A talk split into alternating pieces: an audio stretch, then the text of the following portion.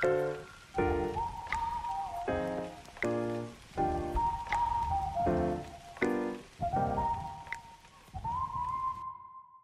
semuanya, kembali lagi dengan gue Balibon dalam podcast Udah Niat Podcast yang ngomongin soal makanan, Jepang, dan juga pop culture. Malam ini kita akan merekam episode 19 Dan malam ini gue udah bersama dengan dua orang yang kemarin juga ngomongin soal Sukiji Yang pertama Arya, halo Arya Hai Yang kedua Mas Arman nih, halo Mas Arman Hai hai Yes. Ya, di episode malam ini nih, yang malam yang sangat panas ini, uh, sebetulnya kami tuh mau ngobrolin soal bahan makanan pokok nih. Kami mau ngomongin soal beras. Karena ceritanya ini, Mas Arman ini dulu pernah tinggal lama di Niigata ceritanya. Hmm, hmm, Dan hmm, juga hmm. kalau nggak salah ada berita baru Indonesia ekspor beras ke mana ya? Arab Saudi ya Oh iya Arab Saudi. Nah, itu. Hmm. Padahal kalau dipikir-pikir ngapa pula kita nge- nge-ekspor jauh-jauh ya? Padahal kan di Asia kan juga banyak yang makan utamanya beras gitu kan. betul Kalau Heeh, kayak kayak orang Arab makan ber- ma- makan nasi aja gitu ekspor ke sana. Gue mikirnya itu, wah kenapa pula ke ini ya? Kenapa ke Arab Saudi ya? Padahal kan kita ke Jepang juga bisa gitu kan. Setahu gue kan Jepang juga eh, yang nanam padi juga jarang gitu. Hmm. Nah karena itulah di episode malam ini kita akan ngomongin soal beras atau nasi lah ya secara umumnya.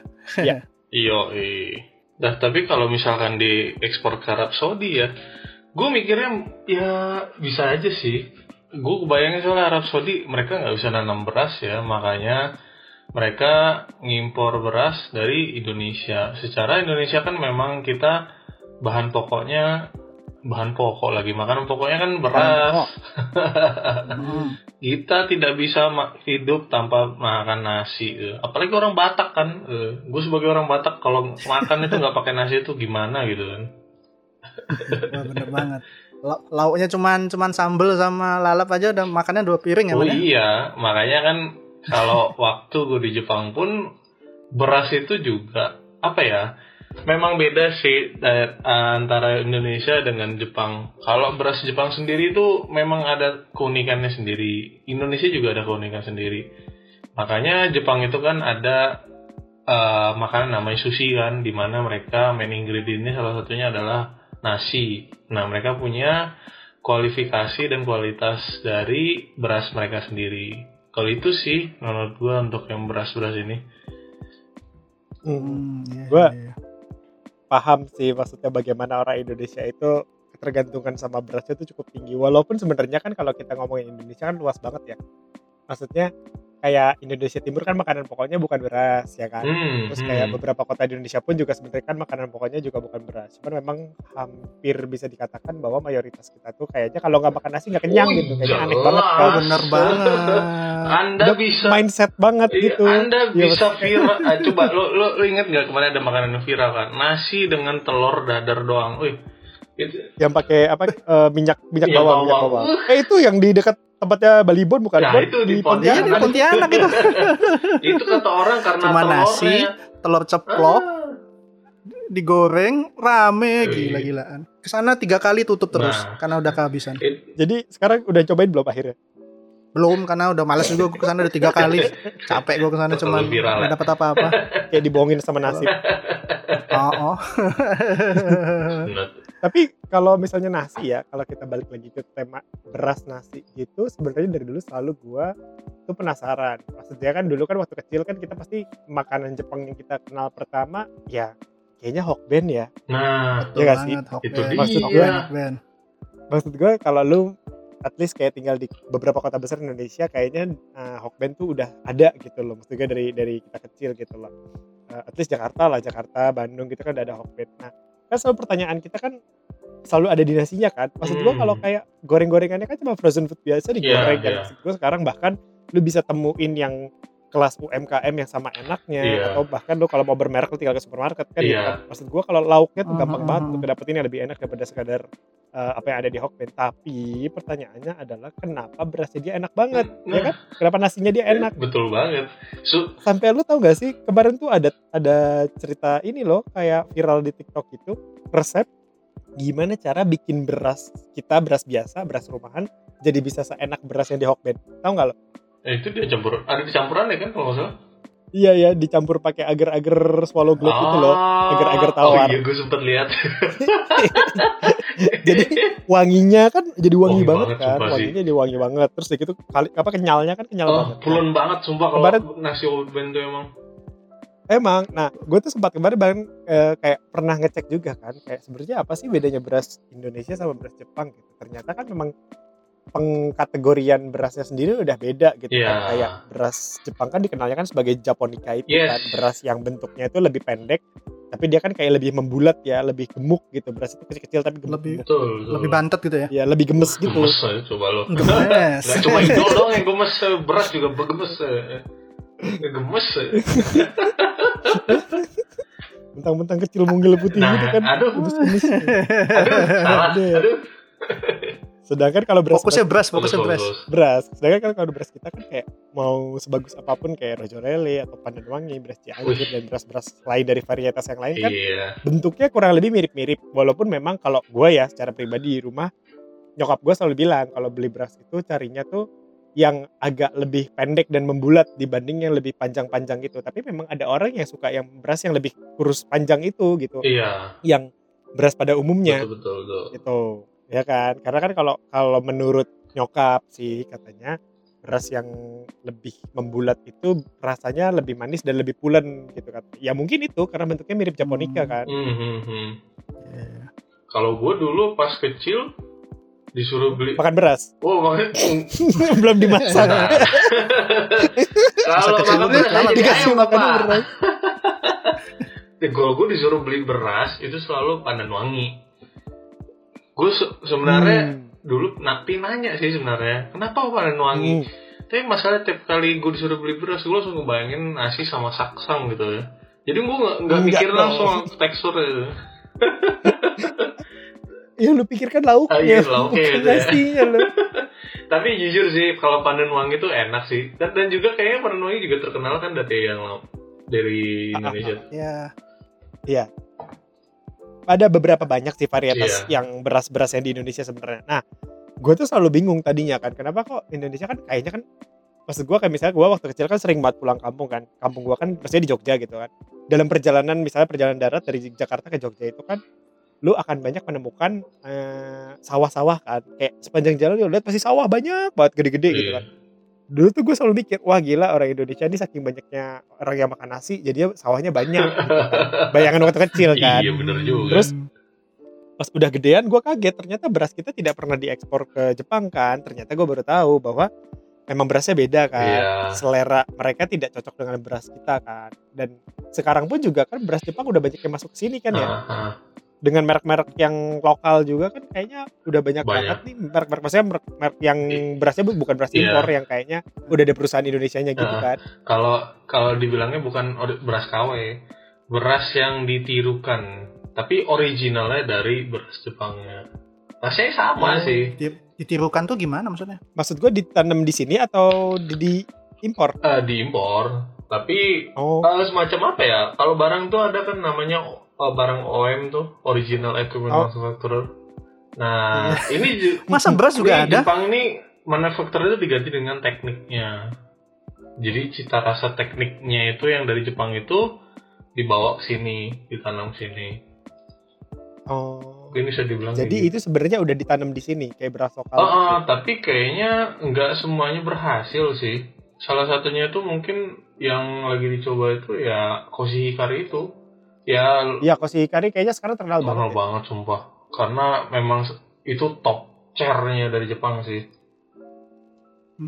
Man, man, bentar Hmm. gimana? Sebelum kita lanjut deh. Tadi kan lu ngomong ada beras koshi hikari Hmm, itu. hmm, hmm. Dan kita di Indonesia kan ada beras baju lele itu berarti jenis beras ya berarti koshi hikari itu. Ya bisa dibilang suido ya kan ya. Varietas Ada kali ya kalau di Varietas ya. Heeh. Ada berapa jenis sih beras Jepang itu kalau yang lu tahu? Selama kemarin di Jepang? Hmm, paling pertama sih di mana pun lo pergi pasti ada namanya koshi hikari. Ini kayak beras yang super super enak deh. Nah kalau di situ ada namanya hakumai. Sebenarnya koshi hikari sama ha- hakumai ini sama-sama putih warnanya. Tapi eh, eh gimana ya? Kalau koshikari itu quality, kalau hokuma itu lebih ke arah biasanya. Nah, kalau abis itu sih paling oh Japanese rice sih paling kayak gitu sih. Paling sisanya eh apa sih ya satu lagi tuh selain yang Japonica rice? Eh, ini kali ya kalau yang setahu gue sih kan kalau beras di Jepang tuh ada dua tipe kan. Yang tadi kan Japonica kan sebenarnya sebutan kategori beras ya. Beras Jepang kan disebutnya kan Japonica Oh, kan. oh, oh. Hmm, cuman kategorian gitu ya. hmm, pengkategorian kayaknya sih. Nah, sedangkan kan kalau setahu gue kalau di dalamnya sendiri penyebutannya itu kan dibagi dua. Ada urucimai Iya ya, betul. sama satu lagi Iya mochigome betul, ya kan. mochigome, mochigome. Urucimai itu tuh kayak beras yang dimakan biasa gitu setahu gue. Jadi Mhm. beras-beras yang dimakan bareng lauk. Mhm. Sedangkan mochigome itu kalau kita mungkin kenalnya ini kali ya ketan putih. Nah, itu dia. Oh. Beras ketan. Beras ketan. Beras ketan. Nah, itu juga sering tuh di dimakan di sana. Dan lagi kan kalau kalian tahu sih ada nama makanan namanya mochi. Nah, mochi kan dibuat itu dari si beras ketannya itu. Nah, di mana Ya yang dipukul-pukul ya. Kalau kalian sering lihat tuh YouTube yang ada tuh uh, the fastest making food in Japan tuh yang mereka ngebuat mochi Hmm. itu ditepuk terus dipukul tepuk terus pukul. Nah itu sebenarnya adonannya itu dari si beras ketannya itu. Dulu gue pernah tuh di satu event eh, di Jakarta, event Jak Japan Matsuri yang pertama banget, dulu banget masih ada di PRJ kalau nggak salah. Di Kemayoran, Kemayoran JI Expo.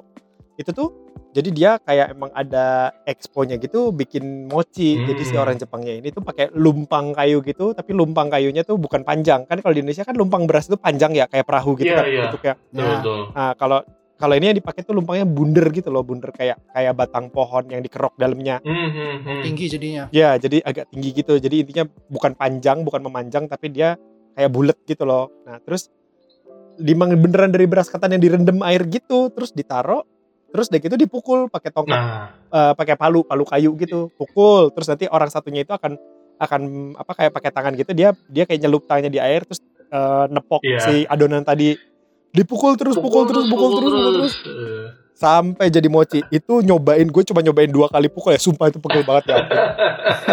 dua kali pukul gue udah sakit. Itu gimana yang the fastest ini fastest mochi maker iya, itu ya? yang Karena viral itu. Bat- Setiap batangnya hari panjang gitu. kan, batangnya panjang dan si si palunya itu kan gede gitu loh, berat gitu dan Hmm, nemuin ritmenya kapan lu harus mukul dan lu kapan harus berhenti Betul. karena pukul terus pas diangkat dia akan tepok gitu kan si orang satunya lagi. Nah, ketika lu salah pukul, tangannya kadang yang ketepok. ketepok palu. Tapi itu itu kalau di Jepang ada jadi apa ya atraksi turis ya dibilangnya kali ya atau salah satu kegiatan ah, turis ah, ah. yang kita bisa coba di sana. Gitu. Di Kyoto ya Kyoto ya? ada, di Tokyo ada. Nah nanti kita bisa pilih tuh. Kalau tadi kan memang kita bilang tuh pengkategorian berasnya ada namanya beras ketan ya. Nah beras ketan di Jepang sendiri juga gak hanya diproduksi di Kyoto. Nah itu juga ada beberapa daerah. Nanti kalau misalkan kita nyobain di Kyoto tuh di atraksinya, nanti kita bisa milih tuh mau pakai beras ketan yang mana. Oh. Oh, Oh, gitu. nanti adonannya bisa dibikin mochi terus dikasih ke kita.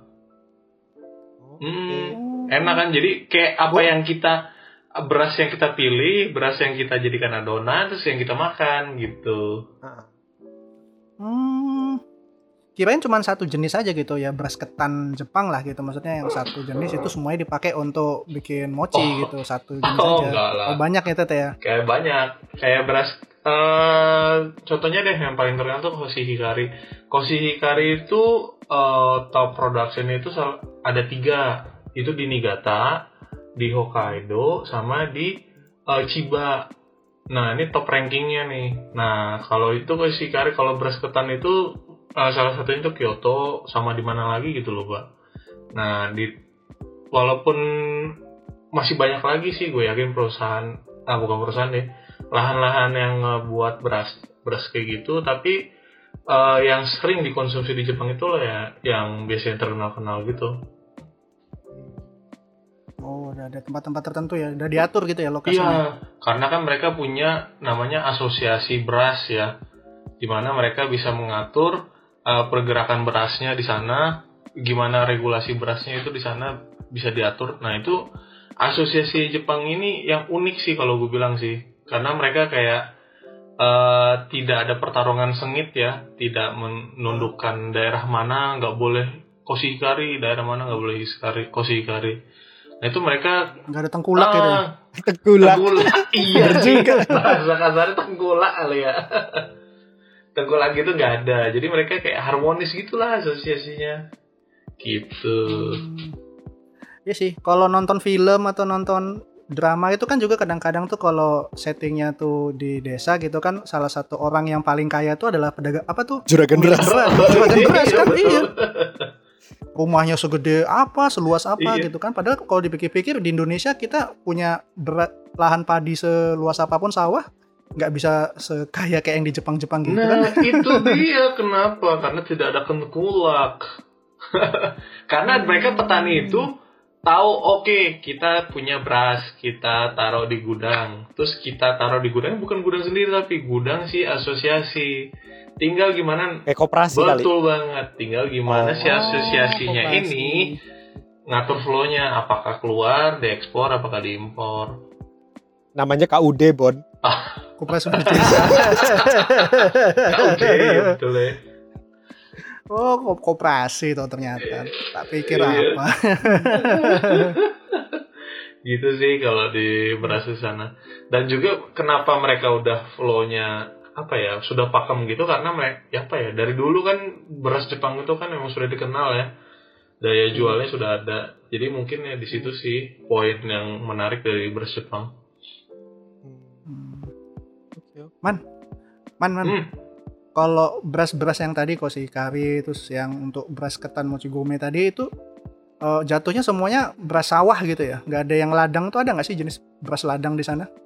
Hmm, beras ladang ya. Gue kurang tahu sih kalau itu. Tapi kalau yang di, gue kan sempat kuliah di Minami Uonuma tuh.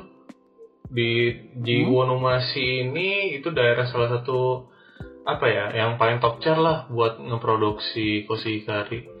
Dia itu baik ladang yang tadi lo bilang itu dua-duanya ada sih. Dan ladangnya itu Oh. juga ada. Dia itu kayak Niigata ini kan sebenarnya daerah pegunungan tapi dia eh, daerah kaki gunung itu lebar. Nah, di sini tuh banyak banget tuh lahan padi untuk yang koshikarinya. Nah, eh, bagusnya ini juga mereka ini kan ada season-seasonnya nih buat eh, apa ya bilang ya, buat ngambil berasnya gitu. Nah, itu mereka juga tuh nyediain atraksi untuk bisa ngundang turis tuh buat ngedapetin koshikarinya.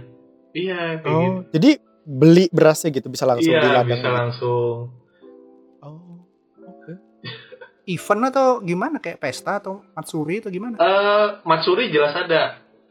Jadi kan eh, ya seperti yang kita bahas sebelumnya tuh, kalau yang Matsuri kan di setiap daerah itu juga ada. Nah, kalau di Wonomashi ini ada namanya Koshikari Matsuri.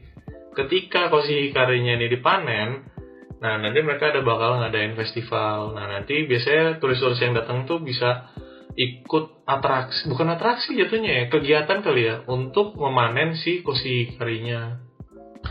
Kayak gitu. Jadi bisa ditonton gitu ya model Iya. pas mereka lagi panen. gitu Betul ya. betul banget dan bisa dapat gratis berasnya. Biasanya sih ngincarnya itu sih. Orang ngumpul Saya beras buat sebagai sampel. mahasiswa mengincarnya itu. Ya, emang banyak yang dikasihnya gitu nggak yang cuman satu satu bungkus gitu atau satu karung? Ah, gue masih tahu malu ya. Jadi gue ngambilnya secukupnya. Kalau sorry sorry ya, kalau negara lain tuh ya negara yang apa ya yang mungkin kesusahan kali ya. Mereka tuh nggak tahu malu. Oh iya iya iya thank you thank you. Diambil satu karung. Satu karungnya itu dua kilo kan biasanya kan kalau Jepang itu takaran untuk nasinya itu kan ya. Eh, sekilo, dua kilo, lima kilo, sama sepuluh kilo. Nah, walaupun kecil tuh dua kilo, itu harganya mahal bapak.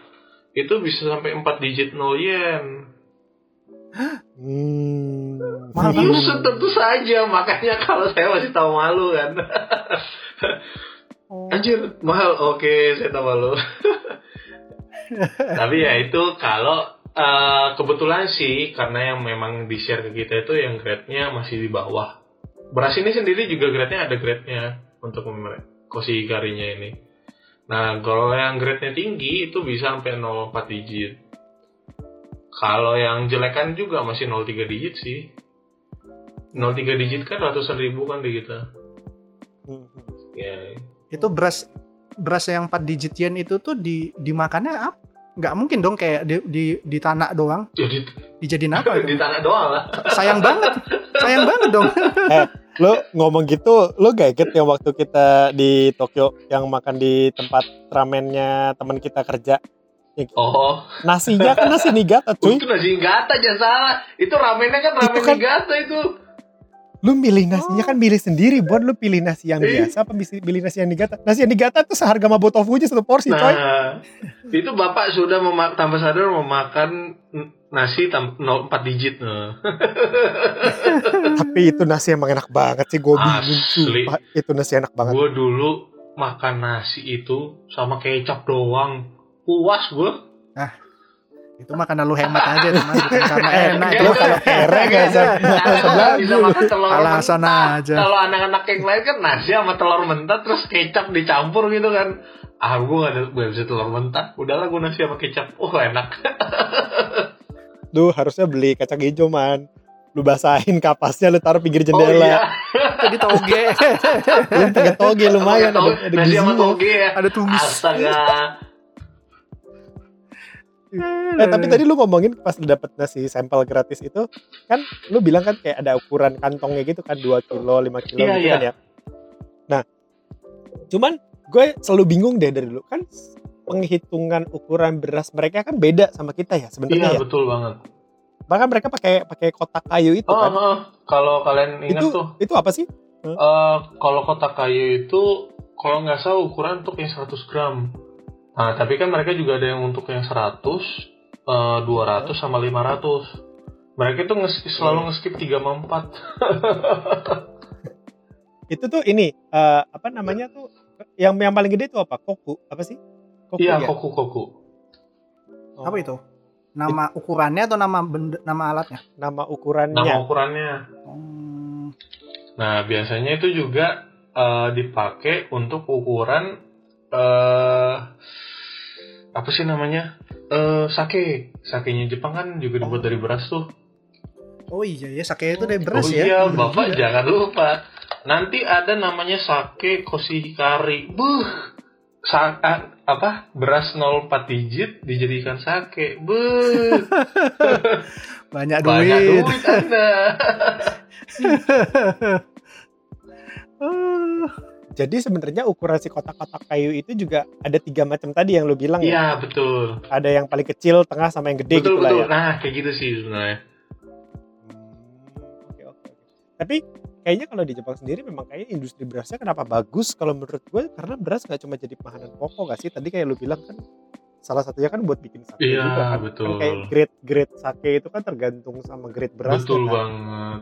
Berapa lama mereka Iya. memfermentasikan si beras itu sehingga menjadi sakenya itu juga tergantung dari kualitas berasnya itu. Ah. Di kita juga ada kali ya. Apa? Tapi kalau kita bukan nasi, tapi singkong. Ah, Jadinya tape. Enggak jadinya sake. Beda dong. aduh. Ya lu kalau makan tape ketan tape ketan itu juga kalau lu airnya lu uyup juga puyeng juga.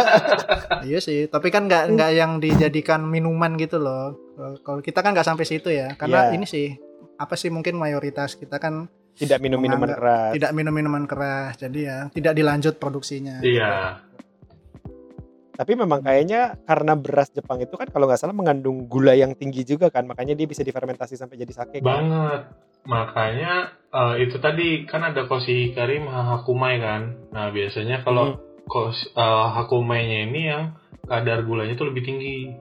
Nah, Oh. sehingga akhir-akhir ini tuh mereka tuh kayak mulai mem- apa ya membuka mata sih nggak akhir-akhir ini sih udah beberapa tahun lalu dengan namanya itu yang genmai beras merah sama satu lagi tuh beras multigrain Itu kan beras Korea nggak sih multigrain tuh maksudnya budaya budayanya orang betul Korea nggak sih? betul banget nah itu sudah ter- apa ya terimplementasikan di Jepang sehingga makin lama sih yang namanya hakumai itu mereka tinggalkan Yang beras putih. iya beras putih yang gulanya banyak banget itu Kan karena ini apa?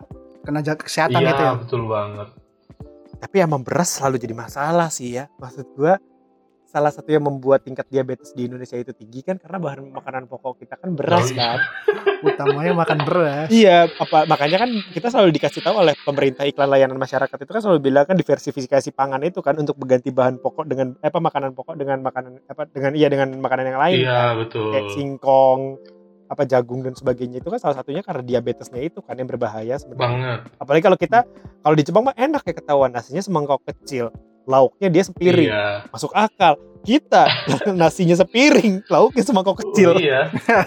Nasi setengah setengah nasi, setengah indomie goreng. Buh, Wah, makin jadi babi langsung. subur kita. Ah, kalau kalau gua ini man nasinya satu piring, mie-nya satu piring. Nah, Lagi mengebabi itu lagi. namanya equivalent. Enggak, itu tuh kalau ditanya lu makan nasi pakai mie atau makan mie pakai nasi lu bingung jawabnya. Nah, itu dia. Mana yang Mana lauk, yang mana Iya, yang, mana yang lauk, mana yang utama. Ayo. Ada, ada aja macam gitu. Oh iya, tadi kan apa sempet tadi Arya ngomong di Jepang tuh nggak makan beras, nggak hanya makan beras Jepang gitu ya? Apa iya sih? Setahu gua. masa sih nggak ada beras-beras imporan kit eksporan sana gitu yang dimakan sama warga Jepang lokal? Kalau menurut gue sih ya, gue juga sebagai salah satu orang luar negeri yang tinggal di sana, gue juga apa ya, secara ekonomi Indonesia itu kan eh, kursnya itu di bawah Jepang ya. Jadi kalau misalkan kita ada kiriman dari orang tua itu juga apa ya keuangan kita jadi dikit gitu loh di sana, sehingga kita nyari opsi beras yang murah. Ah, kalau nyari beras yang murah di sana, Hakumai itu sendiri juga masih mahal kalau buat orang-orang yang tinggal di sana, orang luar negeri yang tinggal di sana. Nah, kalau beras imporan dari luar negeri itu ada sih, terutama dari Cina. Cina itu Tapi biasanya Oh, tidak Cina. dimakan orang Jepang. betul, gimana? biasanya itu Oh. dijual di eh, toko-toko grosiran yang ngejual sekaligus banyak gede itu. Nah, gue biasanya beli itu beras yang dari Cina atau beras yang dari Thailand. Itu murah punya kalau beli sekali 10 kilo gitu. Oh, Mm-mm. tapi yang Indonesia nggak ada, Thailand sama Cina Nggak doang. ada. Soalnya kalau kata gue denger sih dari orang eh, KBRI, nggak lulus sertifikasinya. Selalu ya. Selalu. Alah, Selalu apa ya. ya namanya? Uji, Indonesia tuh uji susah apa gitu. Katanya nggak lulus. Wah sayang banget. Itu lu kalau beli beras Cina sama beras Thailand gitu, lu sambil main-mainin beras gak? Bu, beli, bu. beras beras lu main-mainin ini. Eh, tapi asli gue juga penasaran kenapa Cina bisa masuk Indonesia masuk. Padahal Hmm. kalau gue rasa itu ya manisnya itu sama kayak punya Indonesia punya sih. Atau mungkin karena memang nasinya China lebih dekat ke rasanya nasi Jepang kali daripada Indonesia punya ke Jepang. Mungkin. Sama satu lagi gue baru inget kutu. Kalau beras Indonesia tuh dikirim ke Jepang itu udah banyak kutunya. Kok bisa? Berarti waktu proses ekspornya tuh yang bermasalah Nah tuh. itu dia sih. Gue juga belum Iya sih. apa waktu itu nggak lebih mendetail sih. Cuma waktu itu gue sempet di Yokohama tuh gue ngeliat si berasnya sendiri itu eh ketika difoto nih, ketika dikirim bersih, udah disaring itu. Tapi kayak sampai sana itu eh ada kutunya gitu loh. Jangan-jangan disabotase man. gue ngerti. Itu jadi defected product kan. Ah, maluin juga. Iya. Gitu sih kalau beras yang dari sana. Itu yang gue sempat penasaran adalah tadi kan lu bilang kan kayak orang Jepang sekarang udah mulai macam-macam nih makan berasnya kan ya. Maksudnya nggak nggak cuma nasi Hmm, putih hmm, biasa, udah masuk ke beras merah, udah masuk ke multigrain kayak orang Korea Hmm, kan, yang nasinya dicampur Oh, sama biji-bijian, dicampur biji-bijian macam-macam. Kan sekarang juga kalau lu lihat bagaimana negara berkembang eh maksud gua negara, arahnya negara-negara maju itu kan udah mulai ke arah berkembang yang lebih makanan sehat Iya kan ya. betul betul. Itu juga kalau nggak salah kan sekarang berarti mereka juga itu kan ada pengembangan yang beras dari shirataki Oh, iya. macam itu juga termasuk jadi makanan utama mereka Betul. ya? Apa apa baru sedikit orang sebenarnya? Enggak, itu gue kebetulan ya. Jadi kemarin memang gue kebetulan lagi ada riset sih untuk yang dibilang Arya ini. Eh shirataki itu kan sebenarnya kita kenal salah satu makanan yang dari Jepang ya. Tapi sebenarnya shirataki ini juga ada bahan dari eh, bahan dasarnya itu memang bahan dasar yang namanya eh, apa ya porang ya kalau nggak salah. Nah, Iya, iya, itu juga bisa dijadiin beras. Nah kebetulan sebenarnya kalau gue cek itu pencetusnya itu bukan Jepang tapi Korea. Nah tapi Oh. Korea eh Korea Jepang ini juga melihat hal ini dan mereka tertarik. Dan kebetulan karena mereka punya shirataki ya, kenapa nggak dijadiin beras aja? Nah mereka berhasil juga sih di situ. Nah si- Siapa- tapi siapa- siapa- lebih tepatnya sih mereka nggak banyak konsumsi beras ini karena beras ini jatuhnya eh, tasteless sih. Ketika beras ya nggak manis ya Ah, karena nggak nggak nggak ada rasanya. Eh, susah kalau sebenarnya itu. Memang segmen itu untuk orang sehat sih ya.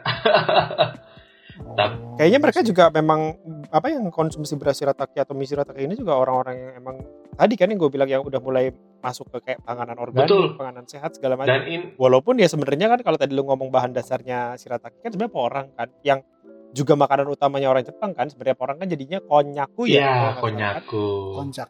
Ah, konjak konyaku itu kan memang lebih banyak dikonsumsi kan ketimbang si beras shiratakinya kan Iya sebenarnya. betul. Nah dan juga ini kenapa bisa terjadi di Jepang karena ya itu tadi dibilang area negara maju. Negara maju itu di mana uh, penduduknya itu stabil uh, tingkat kemiskinan sama kekayaannya itu nggak nggak nggak ada jenjang jauh lah. Nah tapi di Jepang ini tidak hanya stabil tapi orang kayanya juga banyak. Orang kaya di mana mereka gaya hidupnya itu gaya hidup sehat. Jadi mereka otomatis mengkonsumsi berasnya itu yang beras sehat tadi tuh.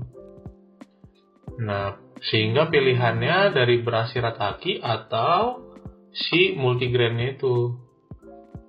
Gitu sih kalau menurut gue. Gue masih bingung loh kalau makan beras multigrain tuh kayak ada benda lain Iya. di dalam nasi lu tuh gue bingung. Yang gue paling bingung itu ketika lo makan nasi sama kacang almond berantem rasanya sih yakin gue. Iya makanya gue bingung tuh. Lu mas lu masak beras pakai almond ya? Eh man. Enggak, gue pernah nyoba doang. Gue juga ngapain Kadang-kadang- itu mendingan gue beli kosi ikan. Iya kadang-kadang ini loh Bon. Kadang-kadang ini loh Bon kayak kayak lu beli berasnya itu tuh satu pack gitu itu udah multigrain jadi di dalamnya ada macam-macam. Yes, betul Ada sekali. Ada jagung, misalnya kayak di dalamnya ada jagungnya atau kacang hijau atau misalnya kayak kacang merah Hmm. atau kacang hitam apalah gitu-gitu loh emang bener-bener Betul multigrain. betul betul. Jadi lu Iya. makan nasinya itu nggak pure nasi, bener-bener campur-campuran kacang-kacangan itu. Betul betul betul. Iya. Bingung, otak gua nggak bisa mencerna. Warnanya juga pasti nggak putih kan itu kalau kita nggak, campur. nggak. Tergantung apa campurannya. Kadang warnanya Oh, ada. hijau, merah, atau hitam. Hmm, iya, iya. Padahal kalau gue baca-baca sih yang namanya beras multigrain itu kan dari Korea ya. Itu Hmm. tuh karena karena itu lebih murah ternyata.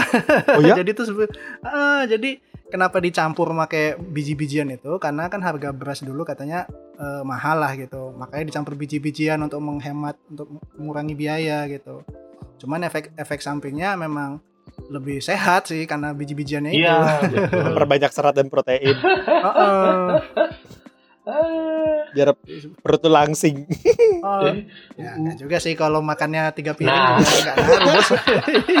Ayamnya Sama seekor. aja bohong. Sama aja bohong. Aduh. Enggak coy.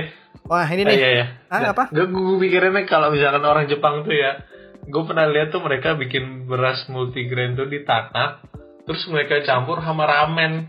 Gue kayak Hah? ada di TV Jepang waktu Sama. itu gue lihat. Ya Sama sama, aja dong. itu kayak iya kayak kita makan Indomie ayam bawang dicampur pakai beras Lah merah. itu dia. Eh, itu. Anjir enggak enak itu enggak enak. Lah kan sama kan multigrain dicampur ramen apa enak. Enggak. Enggak kebayang aja sih kalau gua lebih tepatnya. Aduh. Cuman memang ya itu tadi sih ya memang kayaknya kalau Jepang berasnya beras khusus dan mereka kayak terbiasa banget sama beras itu kayak kalau beras-beras dari negara lain kayak misalnya kayak eh, apa sih nasi biryani itu berasnya beras basmati. Iya, basmati. Basmati. Ah, itu kan mereka kayaknya nggak familiar ya dengan beras-beras yang lebih panjang daripada beras biasa terus kering-kering kayak gua pun juga makan makanan kan sekarang kayak kayak di Jakarta kan mulai banyak tuh makanan-makanan Timur Tengah, India gitu kan kadang-kadang pakai nasi biryani Iya, iya. Yang dimasaknya pakai rempah-rempah gitu. Gua tetap bingung loh. Maksud gua kalau makan itu tuh kayak gak kenyang. Panjang-panjang. Iya maksud gua gini loh kayak ya kalau kalau lu makan nasi putih kan lu langsung kenyang ya. Iya. Cuman kalau itu tuh kayak porsinya sama cuman kayak hmm, kayaknya masih ada space di perut gue. Emang beda ya. Kalau nasi biasa itu tingkat glukosanya tuh gede banget dia. iya kayaknya sama gula aja yang bikin kenyang. Dan kayaknya mungkin- di Jepang nggak diterima ya basmati itu. Eh, ada diterima. Basmati ada kan? Soalnya Ada. Kalau di rest eh Sorry, lanjut, eh, sorry. Soalnya restoran Timur Tengah itu udah mulai banyak di sana. Mm, restoran India kan banyak di sana. Oh iya. Dan hebatnya itu jebolan sertifikasi itu cepet banget waktu itu. Sehingga ketika gue di sana tuh 2014 mulai bermunculan tuh restoran Timur Tengah. Hmm, kayak gitu sih. Oke. Itu orang Jepangnya mak banyak makan makanan Timur Tengah, Man. Nah, di sini nih poinnya nih. Ketika mereka nyoba makanan Timur Tengah, misalkan uh, kare lah. Nah, biasanya kan nah, pakai basmati sama, sama kare tuh. Nah, Ya, mereka coba, tapi- tapi, mereka nggak nggak suka. Mereka lebih suka ke nannya. Ya iyalah, Bener bener bener bener bener. bener. enggak masalahnya karinya kari Timur Tengah itu sama karenya Jepang itu kan rasanya beda Betul jauh. banget. Maksud gua kan kayak santan. iya, maksud gua kayak karinya kari kalau kari-kari Timur Tengah itu kan rasanya kan lebih kuat di Iya, rempah kan. rempahnya banget. Terus lu makan nasi-nasi basmati yang lebih hambar kan dalam tanda kutip yang nasinya kan lebih rasa rempah juga. Jadi nyambung. Ya kalau lu biasa makan kare terus lu makan kari dengan nasi yang benernya ya lu pasti bingung lah. Berasa kehilangan. Kalau nan gitu kan maksud gua kan kayak roti mereka asosiasi ke di kepalanya pasti bukan beras kan. Maksud gua nggak kayak kari dan beras eh kari dan nasi tapi kan memang ya roti gua cocol Hmm. gitu. Tapi Mm-mm. satu poin dari nan itu sih, nan itu asin. Dia pakai garam, makanya enak sih. Oh, mak- kan bisa dimakan langsung Iya. Ya. Eh, Memang ya gula dan garam ini menghalang sehat. Eh. Gue punya pertanyaan. Ah, kalau misalnya lu buka warteg di Jepang, nasinya nasi Indonesia apa nasi Jepang? nah, Nasi nasi Thailand. Waduh mahal nih Lu bayangin. Nasi Thailand aja. Ya, lu bayangin, kan banyak tuh restoran Indonesia ya Ah, sekarang di sana iya. kan ya. Kayak kemarin tuh gue ngeliat ada di Tokyo kan ada satu kayak restoran yang menunya tuh kayak menu-menu warteg Indonesia gitu kan. Jadi kayak ada tempe oreknya, Hmm. ada kayak oseng buncis, ada Hmm. jengkol bahkan gitu-gitu loh. Hah? Iya, ada, iya ada. ada. kemarin tuh, ada ada ada. Walaupun dia nggak jual tiap hari ya, maksudnya kayak menu-menu kayak jengkol gitu tuh nggak Oh, selalu. iya. gitu. Siapa yang nanam jengkol di Jepang itu? Jangan Iya, salah. siapa Jangan, nggak nanem jangan dong. salah Anda, makanan jengkol itu sebesar harganya 1000 yen. Beuh. Oh? Duit. Iya katanya je- jengkol tuh diekspor ke Jepang ya katanya. Walaupun gue nggak tahu fungsinya buat apa. Iya. Di, di ekspor itu juga memang buat eh gue kurang Konsumsi tahu sih kah? konsumsi sih harusnya. Tapi kalau di restoran Hmm. Indonesia di sana itu ada namanya tumis jengkol. Itu harganya hampir 1000 yen. Saya tidak bisa berpikir Ya, lagi. Men- mending ke Yoshino Iya, ya, mending ke makan daging sapi. Tempe aja 6 selesai 1000 yen. Buset. Tapi restoran Makanya kan. Ah, tapi restoran-restoran ini kalau yang ku tahu sih, gue pernah nanya-nanya. Mereka tuh memang pakai Ah. beras Indo sih, karena kan mereka punya apa ya aliran sendiri lah untuk bisa ngimpor beras masuk sana.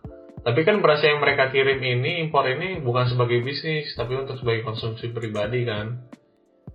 Oh dihitungnya gitu ya. Hmm. Jadi maksud gue karena mereka partainya Dikit-dikit bukan dong. partai besar ya. Betul banget. Nah biasanya itu Iya. uh, kita orang Indonesia itu solidaritas ketika ada butuh dari Indonesia nih dikirim, wah tinggal nyari siapa tengkolaknya, nah nanti ngirim. Langsung ya. Itu gak solidaritas bangsa. Itu dia pegang hulunya. bisnis ya. itu dia, hulunya dia Tapi pegang. masalahnya ada, dan dia, dia menawarkan, lo kok bisa tahu gitu kan? Oh ya udah. iya sih. Tapi kan kayak ada yang salah gitu. Soalnya gue pernah ngobrol sama Nah. tengkolaknya gitu, ada nih restoran di mana di Oita, buset jauh ke bawah, tahu ada di situ. Restoran Indonesia Restoran atau Indonesia. restoran Oh. Balik lagi Bon, Ah. solidaritas. Solidaritas ya. Aduh. Ada-ada Nah. aja. Untuk kan lu udah udah cukup lama nih di Jepang Ah. nih. Untuk di sana kan juga kan masih makanan-makanan yang dari bahan dasar nasi kan banyak tuh. Menurut lu tuh beras Jepang tuh paling enak dinikmatinya tuh dengan cara dimasak gimana? Hmm. Di sushi. Eh, ini secara umum atau secara gue nih? Lu, lu lu, gimana? lu, lu. Pribadi lu gimana? Kalau pribadi gue, gue jadi nasi goreng gue.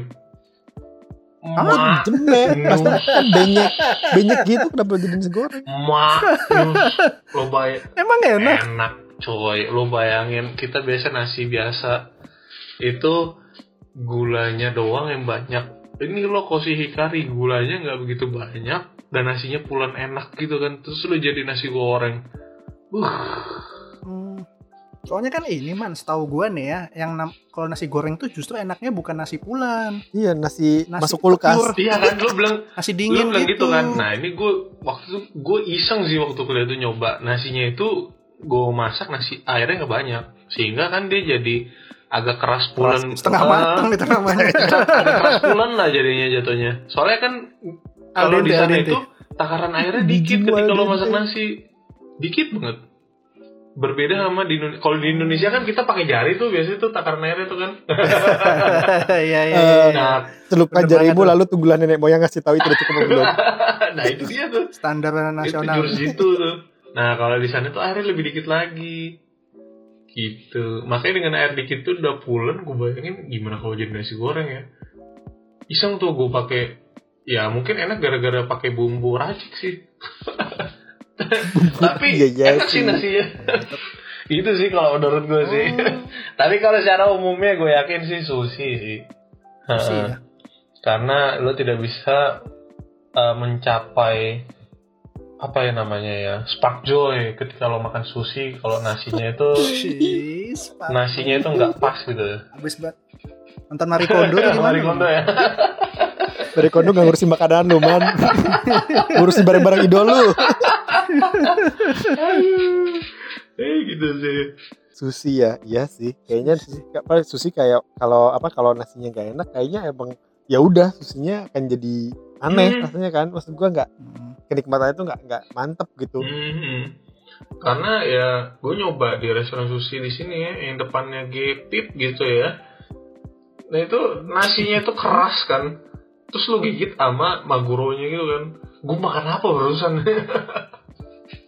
Tapi Oh, nggak nyambung ya, nggak nyambung ya. itu franchise Maguronya lembut ya. enggak tapi itu franchise tetap menurut gua rasanya paling mendekati. Iya sih. gimana dong? paling mendekati sih Ini ya, eh teh ya. iya Tapi bener sih, kalau gue pikir kan maksudnya kan untuk yang sushi-sushi itu kan bahannya itu kan apa sih eh, da- ikan yang ikan daging daging ikan atau apa yang lembut gitu kan. Hmm. Kalau berasnya agak keras ya rasanya kan kayak nabrak gitu. iya loh. betul Betul sih. Mak- makanya enaknya tuh berasnya pulen, lauknya juga lembut, pas dimakan nyampur semuanya Iya. gitu kan. Jadi nah jadilah nggak aneh di ah, mulutnya. jadilah nasi sama indomie kan Padahal gua baru mau ngomong sesuatu yang bagus loh. Lu bayangin nih ya. kan gua kalau kadang-kadang gue tuh pengen iseng gitu di rumah coba ah mau pakai beras Jepang gitu. Kayak koshi kari kan ada yang udah masuk Indonesia Ah, kan? Ah, ada yang ah. masuk yang yang harganya Oh, udah ada ya? ada. Ada ada ada. Yang gambarnya kucing. Itu lagi banyak banget di endorse Hmm, eh, TikTok. Nah cuman harganya kan mahal ya? Banget. 5 kilo aja tuh bisa 120 ribu. Oh iya. Sedangkan beras Oh, Indonesia iya. kan lu yang sekarung berapa sih? 20 kilo ya? Oh. itu kan harganya kan paling cuman 80 ribu sampai 100 ribu Iya, kan? betul. Oh enggak ya. tapi itu yang Ah, low grade loh Ya, ya bro. Kemarin gue beli kemarin gue beli beras eh, 10 kilo tuh 70, enggak du- enggak 20 kilo. Oke, oke 10 kilo lah. Gue juga lupa. Oke. 10 kilo 80 ribu lah. Nah. 70 ribu 80 ribu. Nah, lu bayangin kalau misalnya tadi harga apa berasnya yang low grade ya koshi kari. Lu masak nih ya, terus lu makannya pakai sambal terasi sama tempe goreng gitu. Uh, Ih, mahal banget. gue Atau lu pakai menu warteg kan pakai orek tempe, pakai telur dadar sama usus. Ini iming-iming buat warteg di Jepang ya jadi ya.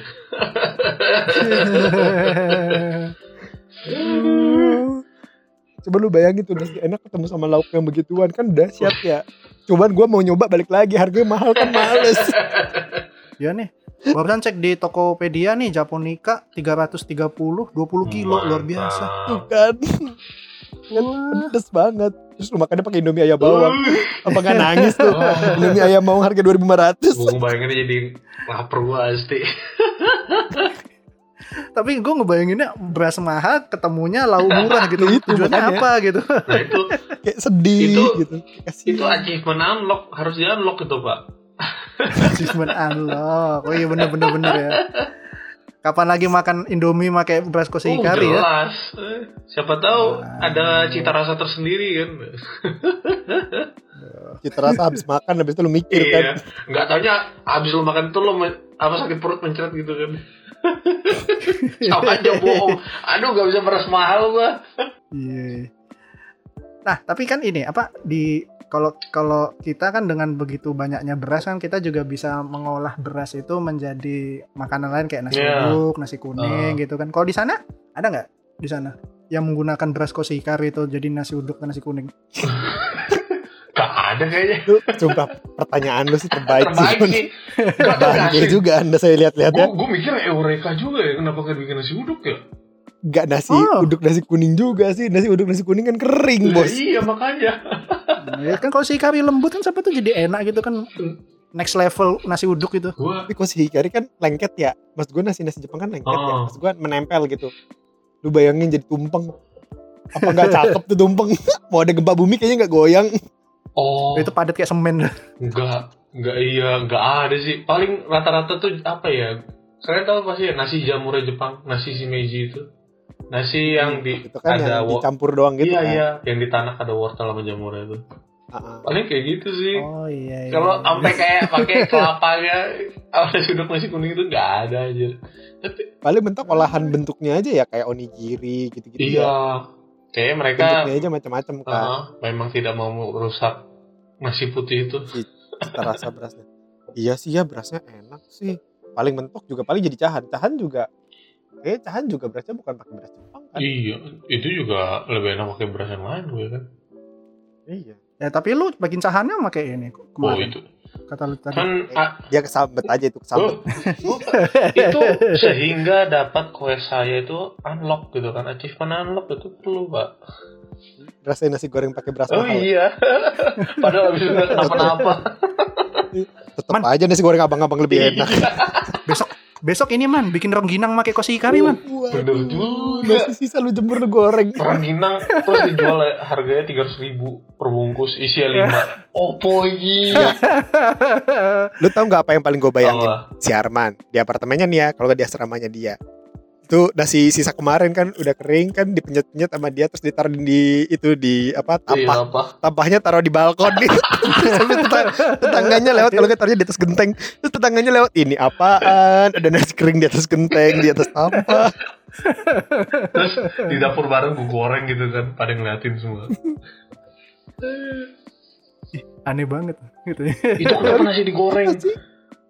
Enggak, tapi bukannya olahan beras tuh SNB itu beras bukan sih? Sembe itu beras, tapi itu kan nasinya itu digiling pakai mesin kan. Dihalusin Dicetak-cetak. gitu ya. gitu iya, ya. betul. Dipipihkan, dipipihkan terus dibakar Betul gitu kan. banget. Jadi kayak kerupuk yang di itu dong kalau lu mau jalan ke puncak tuh kerupuk warna-warni yang digorengnya pakai pasir. Ayo, Opak-opak. eh, eh, Bukan opak, ada kerupuk warna-warni. Ada tah? Ada kerupuknya digorengnya pakai pasir jadi nggak pakai minyak. Oh, Oh. Kebuk pasir berarti. Iya, kerupuk-kerupuk begitu lah kan sama. iya, kan kayak gue gitu, pernah makan deh sama lontong sayur itu. nggak digoreng. Beda itu bos, itu kerupuk merah itu beda Beda lagi ya? itu. Itu kerupuk, itu kerupuk formalin itu. Astaga. Tapi itu enak Itu banget kalau sama gado-gado sumpah. Wah itu nggak ada itu nggak nggak Nggak lengkap itu lengkap gado-gadonya. ya. Kalau Wah itu dijadiin baru lontong, inget tuh. Ah lontong bener di Jepang ada nggak lontong? Gak ada, asli. Kalau lontong gue Lapet, lapet. lontong gue cerita nggak sih. lapet. Waktu Nggak lapet. lebaran di Jepang. Kan itu pihak KBRI itu kan ngundang ngundang orang Jepang tuh buat makan lontong. Nah, Itu mereka kaget asli. Bo, kita itu makan lontong. apa nasinya panjang. iya, panjang. Kami Otaknya nggak nyampe nasinya panjang. Enggak, man, gue punya pertanyaan bagus. Kalau di waktu itu kan KBRI yang bikinin opornya kan Ah, ah. sama ketupat gitu kan, kan mereka pakai lontong. Lontongnya pakai daun pisang atau pakai plastik? Besi besi pasti.